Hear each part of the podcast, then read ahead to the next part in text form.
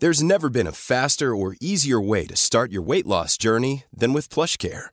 PlushCare accepts most insurance plans and gives you online access to board-certified physicians who can prescribe FDA-approved weight loss medications like Wigovi and Zepbound for those who qualify.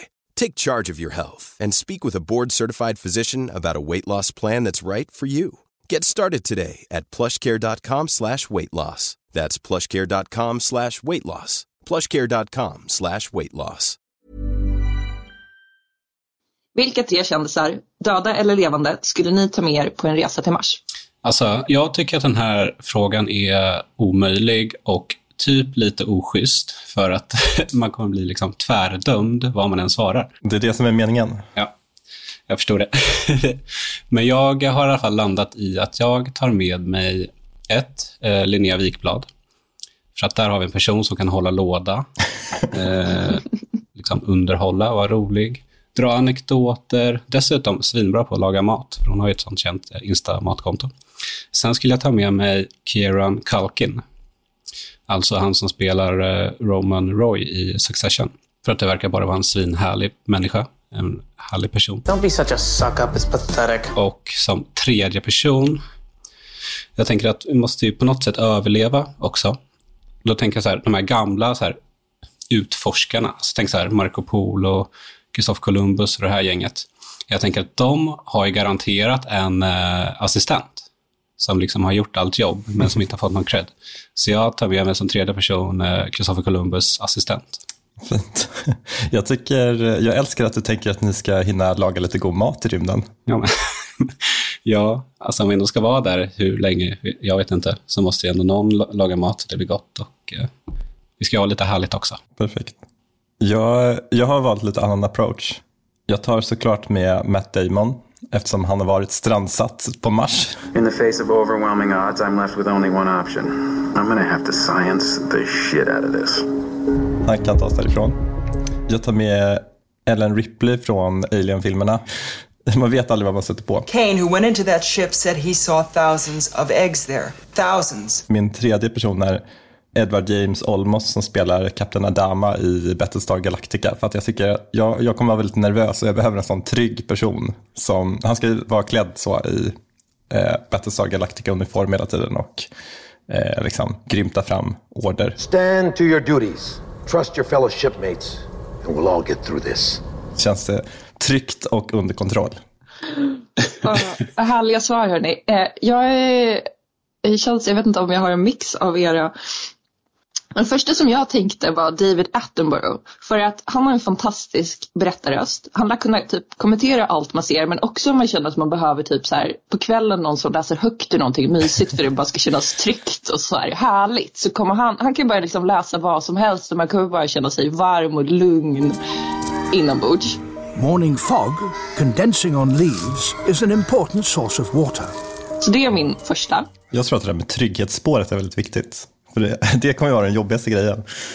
Nummer två som slog mig bara spontant, så jag, och jag ifrågasätter inte det så jättemycket, det är Alicia Keys. Alltså ni vet eh, artisten. Superbra på att spela piano, alltså hon är klassiskt skolad. Hon verkar otroligt så här, varm, härlig, rolig, supermusikalisk, producerar musik. Alltså jag känner liksom jättebra person att hänga med men kan också eh, bidra med så här, kultur och allt det. Så det är min tvåa. Och sen den tredje som jag landade i är Laura Kamp. Ni vet hon som eh, hjälpte Simone Giertz att eh, göra om en Tesla till en Truckla. Hon är så här, eh, hon har en YouTube-kanal och hon är superbra på så här, fixa och bygga grejer och nu har hon precis köpt ett gammalt hus som hon ska renovera. Så hon känns som att hon är superfyndig. Hon kommer alltid på smarta grejer och göra typ så här. Ja men jag ska göra ett litet ståbord och jag bygger av det här. Och, ja hon verkar eh, super, också så här, supertrevlig, superhärlig och har en massa smarta idéer och löser en massa problem. Så jag tror på henne. Låter uh, tråkigt för er bara att ni kommer svälta. ja men jag, jag kan lösa det där med två pannkakor och, vad var det? Pannkakor, två ägg. jag kan stå för maten.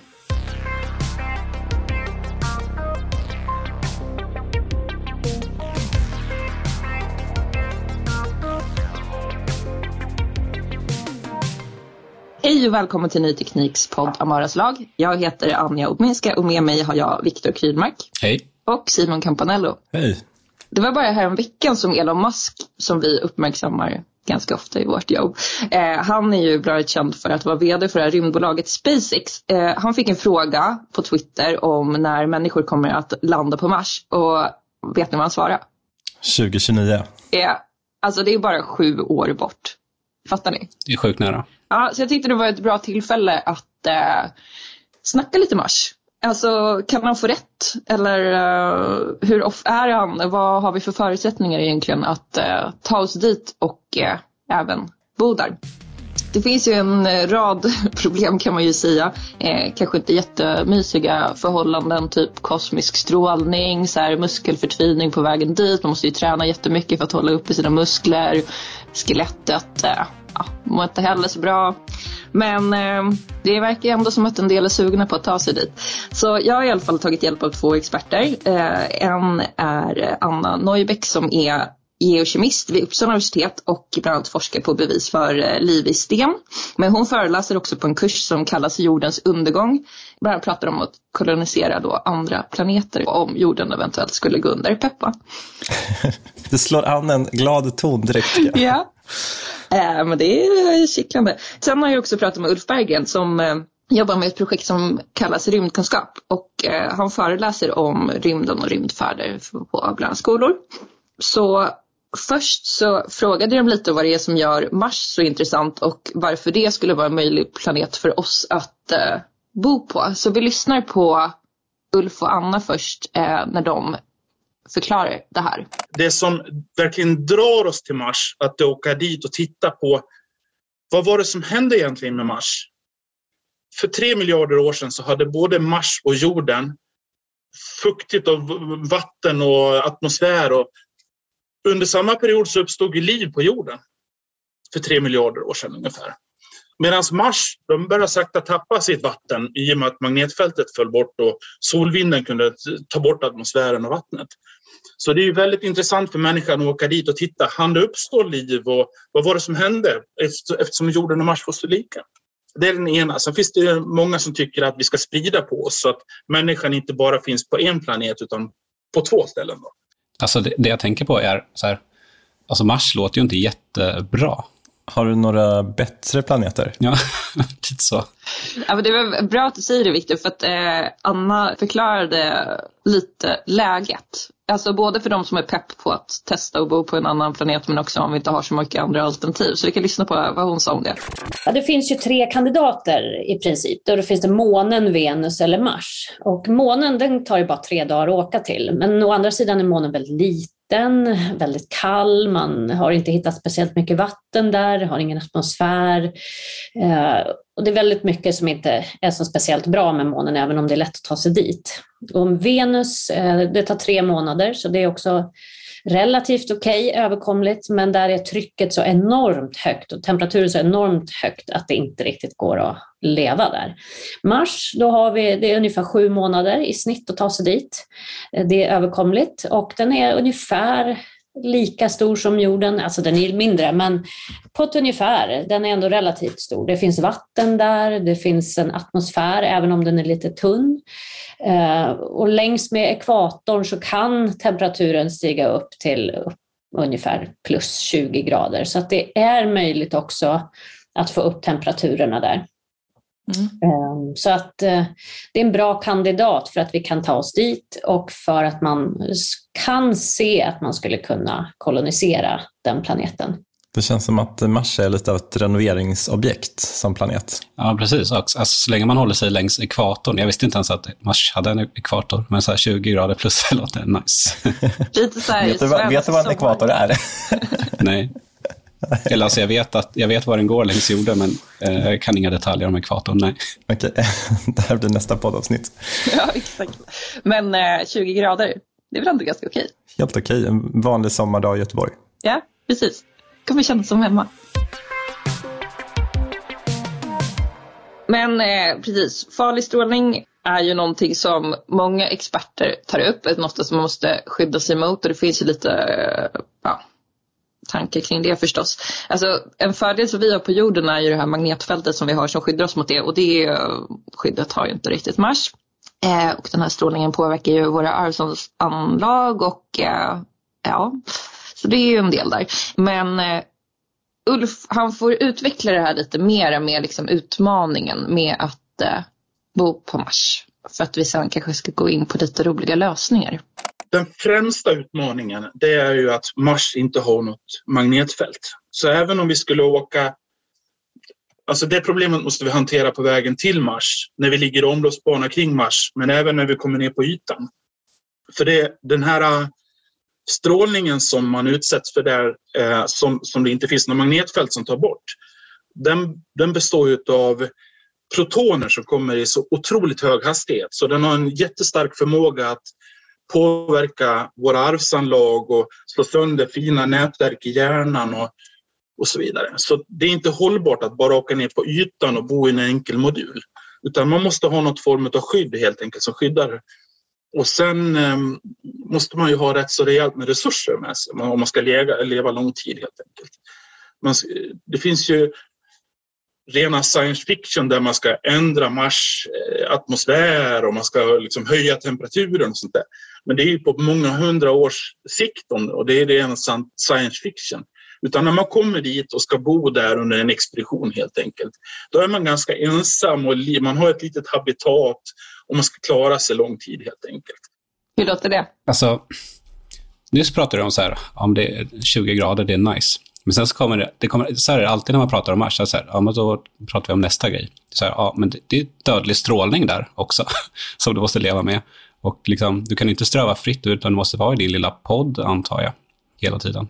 Så jag förstår inte varför Mars är så här, varför är, hur kan det här vara vårt bästa alternativ efter jorden? Ja, men det finns, alltså eh, Anna eh, Neubeck då, hon pratade om att man skulle på Mars kunna kolonisera lavatunnor, alltså för att kunna komma undan den här kosmiska strålningen då. Alltså då är det ju så här tunnlar där det en gång har flutit lava och så nu har de torkat ut. Så det blir lite så här känsla som om ni har läst eller sett Dune. Ni vet, man får liksom. Det är en lösning för där kan man bo och få bra skydd, Viktor. Um, men sen är ju problemet att man behöver komma upp till ytan. Det är ju till exempel om man behöver kontrollera solpaneler för det är något som vi uh, lär behöva om vi kommer dit för att få till exempel el till alla prylar vi kommer använda. Ni som har sett eller läst The Martian minns kanske att uh, Matt Damon, uh, Simons kamrat, var ute och höll på och väldigt mycket med solpanelerna. Så på något sätt så blir man ändå utsatt för den här kosmiska strålningen. Men um, Ulf hade en, eh, han förklarade en eh, roligare, eller en rätt fiffig lösning skulle jag säga. Vi kan lyssna på den.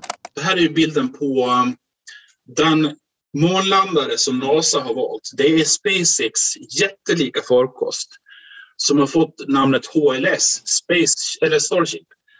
HLS står för Human Landing System. Och tanken är just där att, att, eller med den här visionen, det är att man när man har hjälpt NASA med att ta ner de som ska landa på månen och sen har man tagit dem från månen upp tillbaks till eh, Orionkapseln Tanken då är att man ska sätta tillbaks den här stora jättelika raketen som har enormt in, in, utrymme invändigt och så ska man försöka lägga ner den här och sen täcka den med månregolit som skydd. Och då har man plötsligt en månbas. Och det här är en tänkbart variant, att man har en modul som man sen täcker med damm, från, eller regolit från Mars helt enkelt. Eh, problemet bara är ju att det här dammet på Mars tycks vara lite giftigt för människokroppen. Man vill absolut inte ha in det i dräkten eller inne i, i, i kapseln eller i habitatet. Jag tycker det låter så mysigt att man bygger liksom ett rymdskepp för massa miljarder och sen använder man det som bara så ett, ett stort rör som man ska bo i. Ja, vad tycker du Viktor? Låter det här som en härlig bostad? Jag ser så många så här de flesta människor är lite slarviga. Och det här dammet var tvärgiftigt. Och det, alltså, nu är det lite tanken att några barn ska åka dit, men så här, det, grus tar sig in i hemmet. Det lär det göra i mars också. Oavsett om man är vuxen eller barn. Vi behöver, förutom ett Starship och allt annat, behöver vi en superbra robotdammsugare som suger upp allt damm. Precis, som inte dör av strålningen. Ja, men hörni, det finns ju eh, förstås tankar och, och, och, lösningar kring det här också. Vi ska komma in på det. Jag tänkte bara kort nämna, alltså, något vi gillar människor är ju, ja, även växter, är ju vatten och syre. Så jag ska bara kort nämna det innan jag knyter an till det vi pratade om nyss. Och det är att så här långt så tror man ju inte att Mars har flytande vatten. Men det finns ju andra sätt att få vatten och Anna Neubeck pratade om bland annat att man har sett att mycket av den här mineral och eh, bergmineral som finns på Mars eh, består av vattenbärande mineral så att man ska kunna ta det här, hetta upp det så att vattnet frigörs och sen så kyler man ner vattenångan och så får man vatten. Det är väldigt energikrävande men det är en möjlighet. Och man skulle också kunna borra ner sig till eventuella vattenreservoarer. Och så finns det också en möjlighet att kemiskt skapa vatten, eh, sa hon, men då kan det bli lite explosiva reaktioner.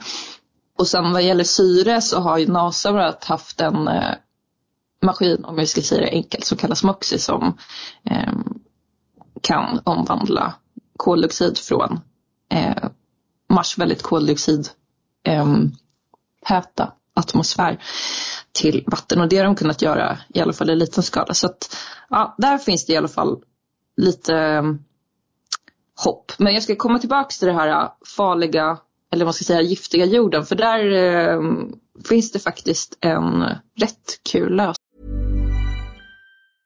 Ready to pop the question? The jewelers at BlueNile.com have got sparkle down to a science with beautiful lab-grown diamonds worthy of your most brilliant moments. Their lab grown diamonds are independently graded and guaranteed identical to natural diamonds, and they're ready to ship to your door. Go to Bluenile.com and use promo code LISTEN to get $50 off your purchase of $500 or more. That's code LISTEN at Bluenile.com for $50 off. Bluenile.com code LISTEN. Many of us have those stubborn pounds that seem impossible to lose, no matter how good we eat or how hard we work out. My solution is PlushCare PlushCare is a leading telehealth provider with doctors who are there for you day and night to partner with you in your weight loss journey. They can prescribe FDA-approved weight loss medications like Wagovi and Zepbound for those who qualify. Plus, they accept most insurance plans. To get started, visit plushcare.com slash weight loss. That's plushcare.com slash weight loss. Anna får berätta.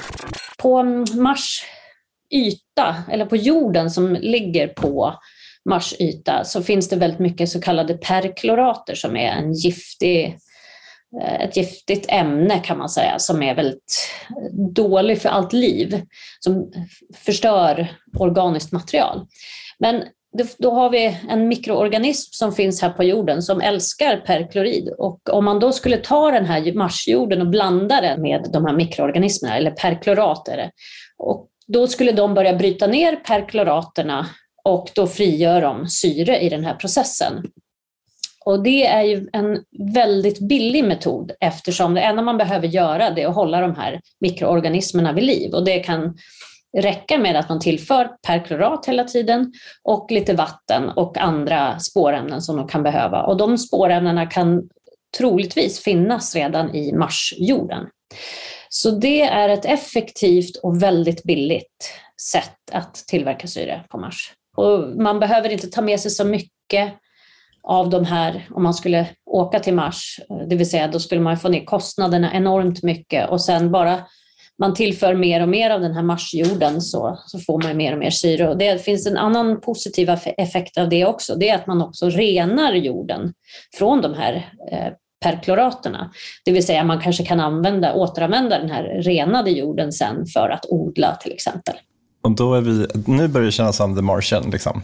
Här, här kommer potatisodlingarna snart. Eller hur? Men känns inte det här lite mer pepp? Ja, men det, här, det, här, det känns skönt. Det här finns en plan, tycker jag. Så väldigt tydlig. Ja, alltså vi skriver och pratar väldigt mycket om tekniska lösningar och ja, men tekniska kanske hinder också och sånt som behöver lösas. Men någonting som har blivit väldigt mycket mer fokus på senare år är ju också vad för typ av egenskaper behöver personer som reser så här långt och ja, en liten besättning kanske och så, så eventuellt skulle då kolonisera Mars. Alltså man pratar väldigt mycket om psykologi och jag ska låta Ulf beskriva lite av ett experiment som är ett av flera som har belyst varför det här är viktigt. Man hade sju stycken i en simulerad eh, rymdfärd på 520 dagar i ett projekt som heter Mars 500 heter det, i Moskva.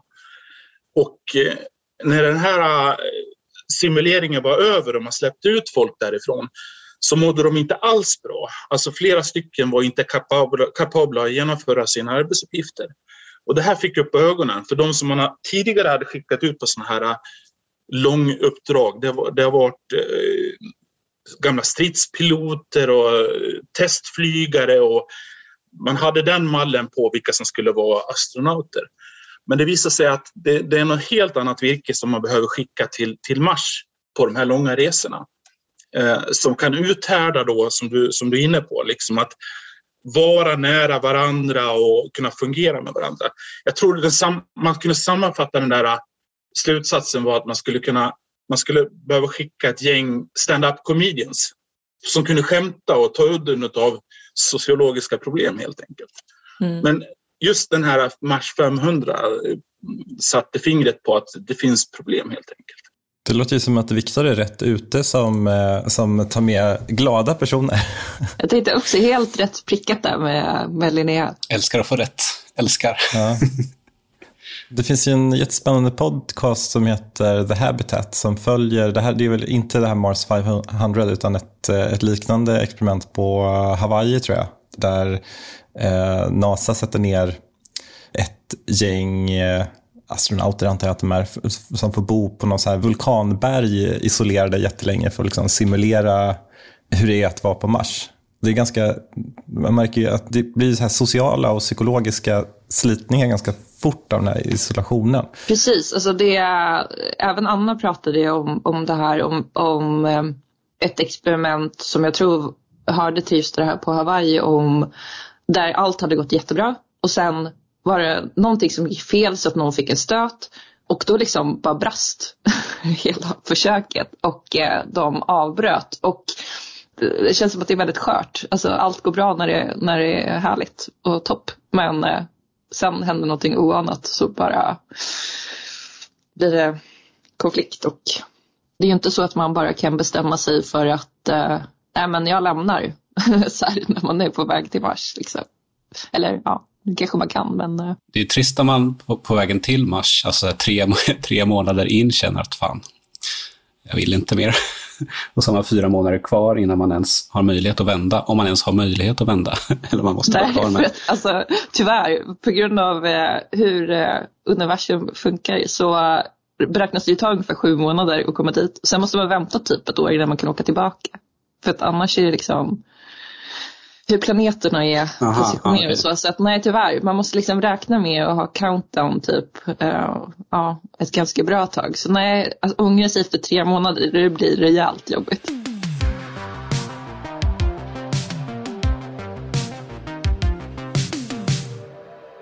Jag funderar lite på det här med så här, hur, hur hittar man ens till Mars? Alltså jag kan inte åka till en annan stad som jag aldrig varit i utan att hitta fram, utan med hjälp av GPS. Alltså, jag fattar inte. Är inte någonting där med att man tar upp ett finger mot... Man tittar på stjärnorna. ja, exakt. Ja, men är det som att man så här riktar och sen kör man bara rakt fram i hur många mil det nu än är. Och sen är man plötsligt framme. Ja. Ja, vi har pratat om ganska mycket så problem med rymdstrålning och, och eh, avsaknad av ordentlig atmosfär och sånt där. Men du hakar ändå upp dig på, så här, finns det Google Maps för rymden? Det är den stora barriären. alltså vi har ju så här eh, Mars Rovers där, så att uppenbarligen så kan vi ju hitta dit. Men alltså, jag begriper inte. Nej, alltså jag, jag tror faktiskt inte just den saken är nog inget större problem. Och jag kan inte ge dig ett jättebra svar. Men jag förstår, som en person som har väldigt dåligt lokalsinne så kan jag förstå att det är någonting man blir väldigt uppstressad över om man inte kan vara säker på, aha, eh, men nu hamnar jag på Merkurius. Men jag tror inte det har hänt. Eller så har de typ mörkat. Det här är min nya bästa konspirationsteori. Alla NASA-expeditioner som vandrar runt på Merkurius. Precis, någon, någon, eh, när det var så här autocorrect typ i deras motsvarighet till Google Maps så råkade någon bara trycka ja på Merkurius istället för Mars. Precis, läste lite slarvigt.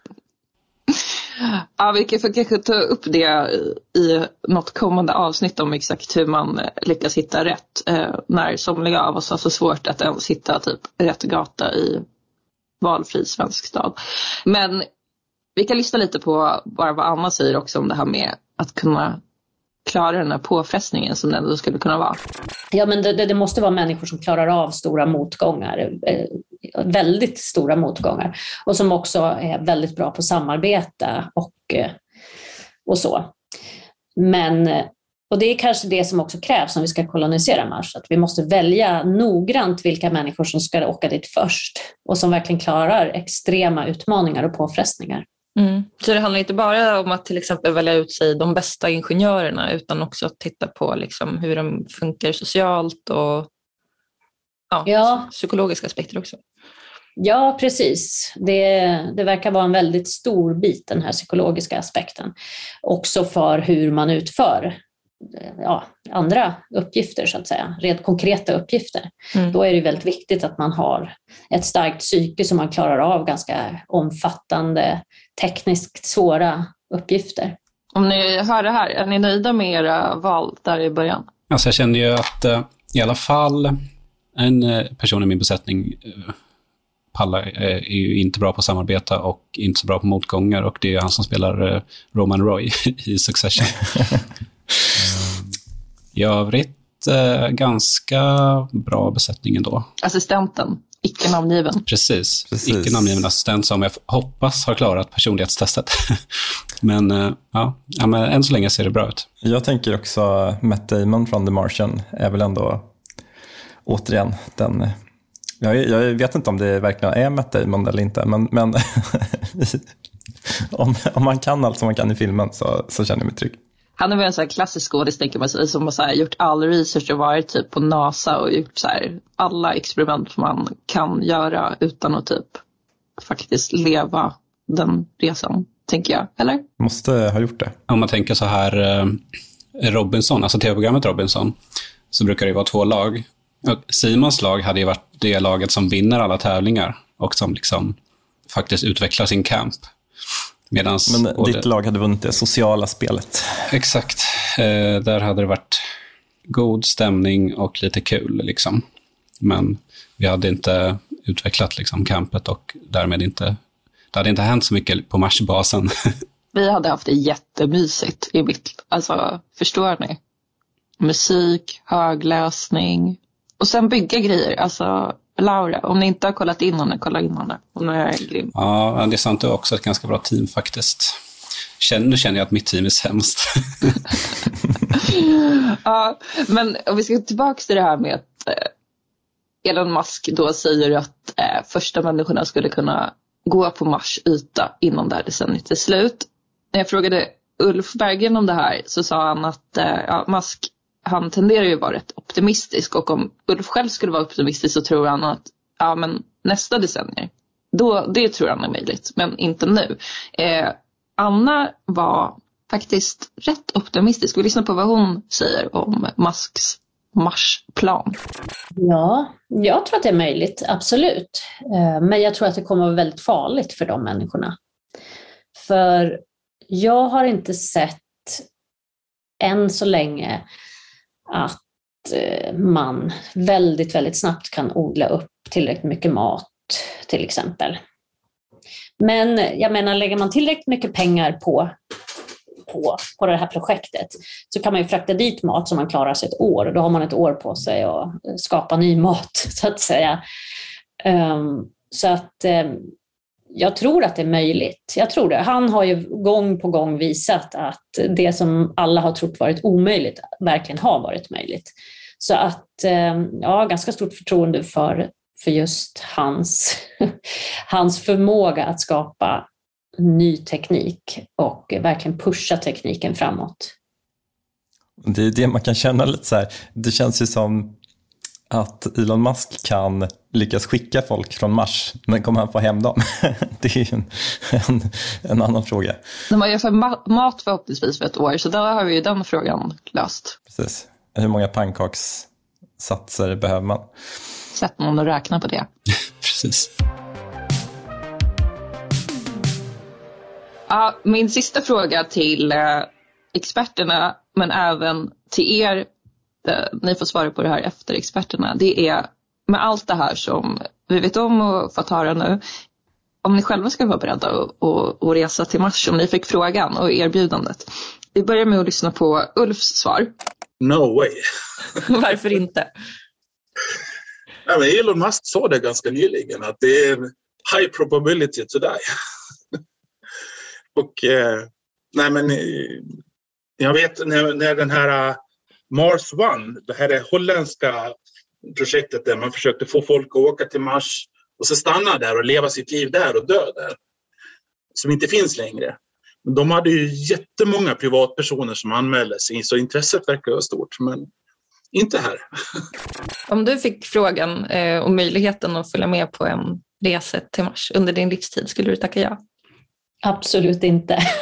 Varför då? Absolut inte. Nej, jag tror inte att jag skulle klara av det. Dels psykologiskt att vara instängd i en, ett rymdskepp i sju månader och sen ja, det osäkra förhållandena. Man vet inte om man har syre att andas, och vatten att dricka och mat att äta. Så att, eh, jag tror inte det. Nej, jag tycker jorden är en mycket bra plats att leva på. Och jag är på samma lag. Alltså, jag har helt fel, helt fel person att göra det här, tror jag. Det hade blivit katastrof. Ja, samma här alltså. Men även om man så skulle bortse från typ alla risker med det, då lockar det ju inte heller. Alltså så här, vad ska man göra när man är där? Det är inte som att du har... Du kan förmodligen inte spela tv-spel. Du kan inte titta på Netflix. Du kan inte typ ringa en kompis, antar jag. Alltså du blir superdunder isolerad och kan inte göra något kul. Ja, du kanske får odla lite potatis, vad kul. det kan jag liksom göra på min uteplats också. Jag behöver inte åka till Mars för det. Nej, jag tycker verkligen det är tydligt att det krävs en viss slags person för att ta sig dit. Och man får väl beundra de där pionjärerna som Kristoffer Columbus assistent med flera som gjorde det där när ingen annan riktigt ville. Jag tänker kanske hade varit en bra ursäkt om man har typ ett så här stort, jag vet inte, ett bokprojekt man alltid har tänkt att, men man får säkert inte ägna sig åt det. Man måste väl typ forska och göra sånt där som är bra för alla och inte bara något man själv vill ägna sig åt. Eh, så jag eh, håller med. Jag skulle nog inte tacka ja om det inte visar sig att, uh, jag skulle inte höra till de första i alla fall. Sen är ju frågan när de har byggt upp någon slags civilisation på Mars, vad jag skulle säga då. Men det är en ganska lång resa dit också, det känns segt. Ja, alltså för många nedsidor med det här för att liksom ens komma på tanken. Ja, jag tycker vi lägger ner det här.